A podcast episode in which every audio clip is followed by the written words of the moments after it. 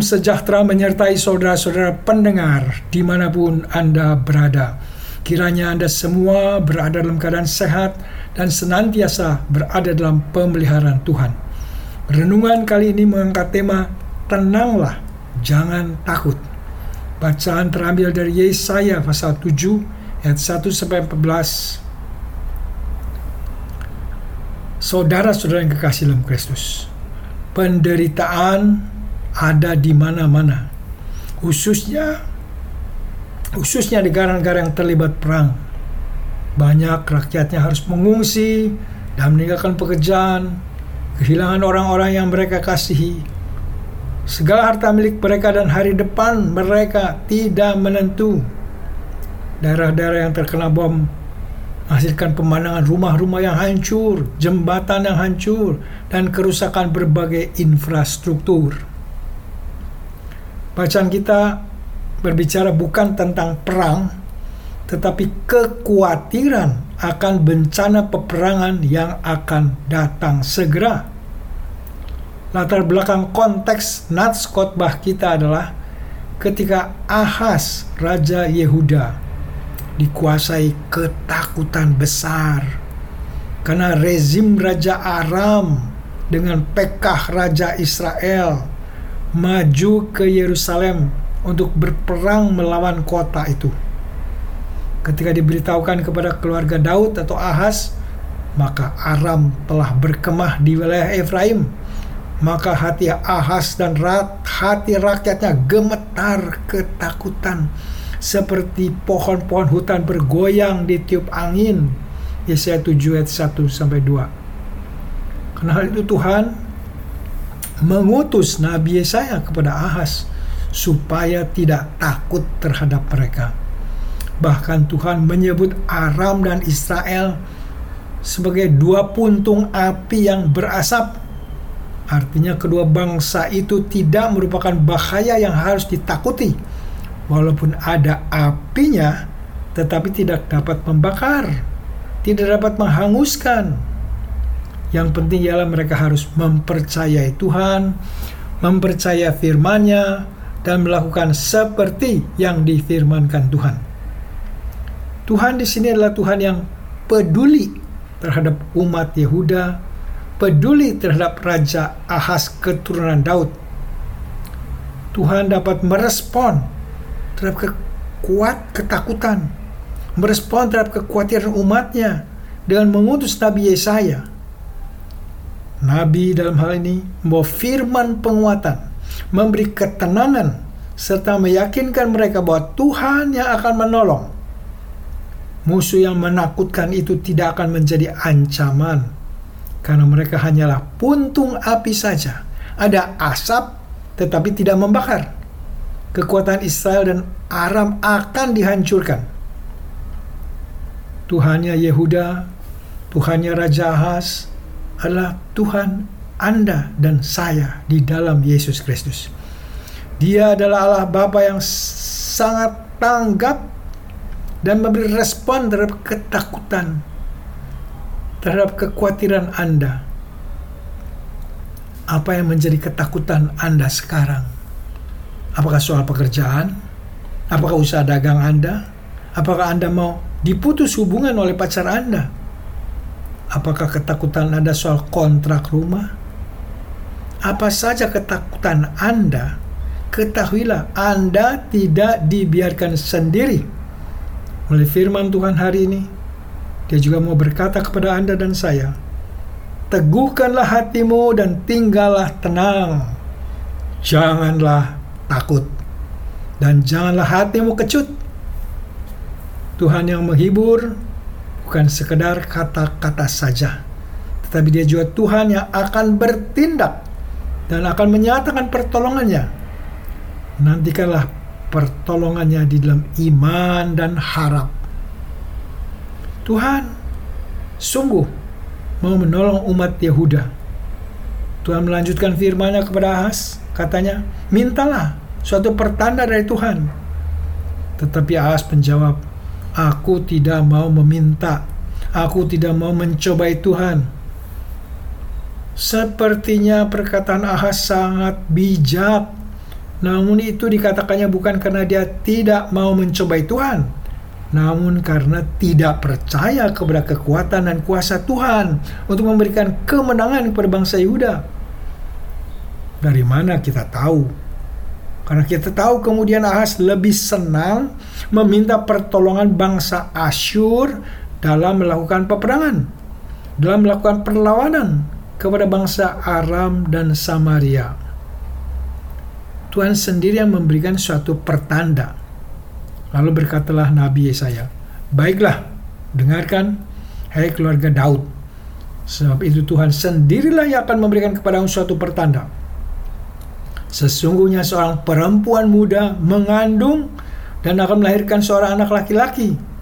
Dan dia akan menamakan dia Immanuel kita tidak akan membahas bagian ini lebih dalam karena akan menjadi bahan khotbah tersendiri. Yang hendak kita soroti adalah soal tanda.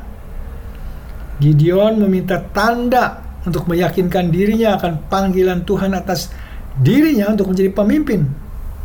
Contoh lain dalam Alkitab adalah hamba Abraham yang meminta tanda kepada Tuhan ketika ketika akan meminang Ribkah bagi Ishak Kejadian 24 ayat 1 67.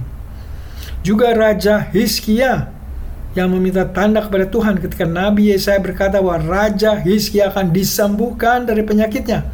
Dua Raja-Raja 1 ayat 1 11. Bagaimana dengan kita? Bagaimana dengan Anda dan saya? Apakah kita juga mau meminta tanda kepada Tuhan dalam pergumulan kita? Seorang pemuda bertanya, Tuhan, apakah betul dia bakal teman hidupku? Lalu berkata Tuhan, berilah tanda kalau dia jodohku, sehingga aku yakin dia adalah bakal teman hidupku. Orang yang hendak pindah pekerjaan, orang yang hendak pindah kota, mungkin juga memohon, Tuhan, berilah tanda agar aku yakin aku bisa pindah ke kota lain, aku bisa pindah pekerjaan, Kadang-kadang permohonan semacam itu dikabulkan. Tetapi kadang-kadang juga tidak dikabulkan. Kalau dikabulkan, itu satu bonus. Tetapi kalau tidak dikabulkan, maka kita harus bertindak dalam iman tanpa tanda setelah melalui pergumulan bersama Tuhan dan meminta pendapat saudara-saudara seiman lainnya. Lain halnya dengan Ahas. Mau diberi tanda malah tidak mau karena ia mempunyai rencana lain. Walaupun Ahas menolak, Tuhan yang sudah memberi pertolongan tetap memberikan tanda berdasarkan anugerah kebaikan Tuhan. Walau Ahas tidak layak, sama saja dunia tidak layak menerima kasih kebaikan pemeliharaan Tuhan, tetapi tetap saja Tuhan memberi pertolongan dan berkatnya. Tanda matahari diberikan kepada semua orang sebagai tanda siang dan tanda bulan sebagai pertanda malam. Pemberian pergantian musim diberikan sehingga ada siklus kehidupan. Itu juga pertanda dari kasih pemeliharaan Tuhan walau manusia tidak memintanya. Bila untuk itu semuanya kita bersyukur untuk kebaikan Tuhan. Pada hari-hari selanjutnya, Biarlah kita diberi mata yang melihat akan tanda-tanda di sekeliling kita yang melaluinya kita melihat kebaikan-kebaikan berkat-berkat Tuhan sehingga hati kita makin melimpah dengan ucapan syukur dan mengurangi omelan-omelan kita. Kemudian berkat kebaikan terbesar adalah keselamatan dan tandanya dengan mengutus Tuhan Yesus ke dunia ini.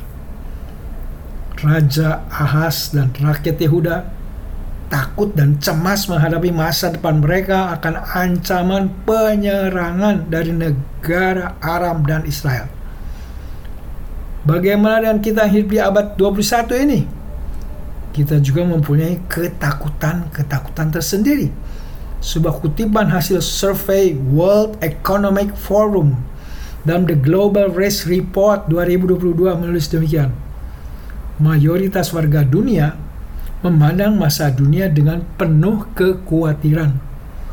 Dalam survei tadi, sekitar 84% responden memandang kondisi dunia saat ini dengan perasaan cemas atau worried dan khawatir atau concern.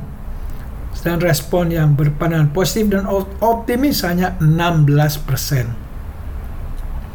Sekitar 18 sekitar 89% responden juga merasa bahwa kehidupan global akan memburuk dalam beberapa tahun ke depan penuh ketidakpastian serta beresiko mengalami katastrofi atau malapetaka besar yang secara tiba-tiba. Hanya 11% responden yang percaya bahwa situasi global akan membaik di masa depan. Dari laporan itu kita kutip saja empat ancaman masa depan yang paling dicemaskan warga dunia adalah satu cuaca ekstrim dikhawatirkan akibatnya akan ada peningkatan bencana alam. Kedua, dicemaskan ada krisis mata pencaharian atau kehilangan pekerjaan sehingga menambah jumlah pengangguran dan kemiskinan. Ketiga, akan terjadi banyak konflik sosial terkait masalah ekonomi dan politik. Empat, ancaman yang dicemaskan adalah wabah penyakit menular. Banyak orang khawatir akan muncul pandemi baru dan infeksi baru dan bakteri yang bermutasi seperti halnya dulu COVID-19. Melalui firman Tuhan hari ini, dia juga mau berkata kepada Anda dan saya, Teguhkanlah hatimu, tinggallah tenang, janganlah takut, dan janganlah hatimu kecut. Tuhan yang menghibur bukan sekadar kata-kata saja, tapi dia juga Tuhan yang akan bertindak dan menyatakan pertolongannya. Mari kita lanjutkan perjalanan hidup kita dalam iman, kepercayaan akan pertolongan Tuhan bagi kita kalau benar-benar akan ada krisis di masa depan kita. Amin. Mari kita berdoa terima kasih Allah Bapa yang telah menyapa kami melalui pemberitaan firman hari ini dan meyakinkan kami akan penyertaanmu dalam segala situasi hidup di mana pun kami berada. Seoleh karenanya kami boleh hidup dengan tenang. Yalah Bapa yang baik dalam kesempatan ini hambamu juga mau berdoa untuk saudara-saudara pendengar yang saat ini sedang sakit dan dalam pencobaan. Kami mohon pertolonganmu, berilah kesembuhan kepada yang sakit dan kemenangan bagi mereka yang sedang dalam pencobaan. Ya Allah Tuhan Bapa kami yang penuh kasih, dengar dan kabulkan doa kami yang kami minta dan pohonkan dalam nama Tuhan kami Yesus Kristus. Amin.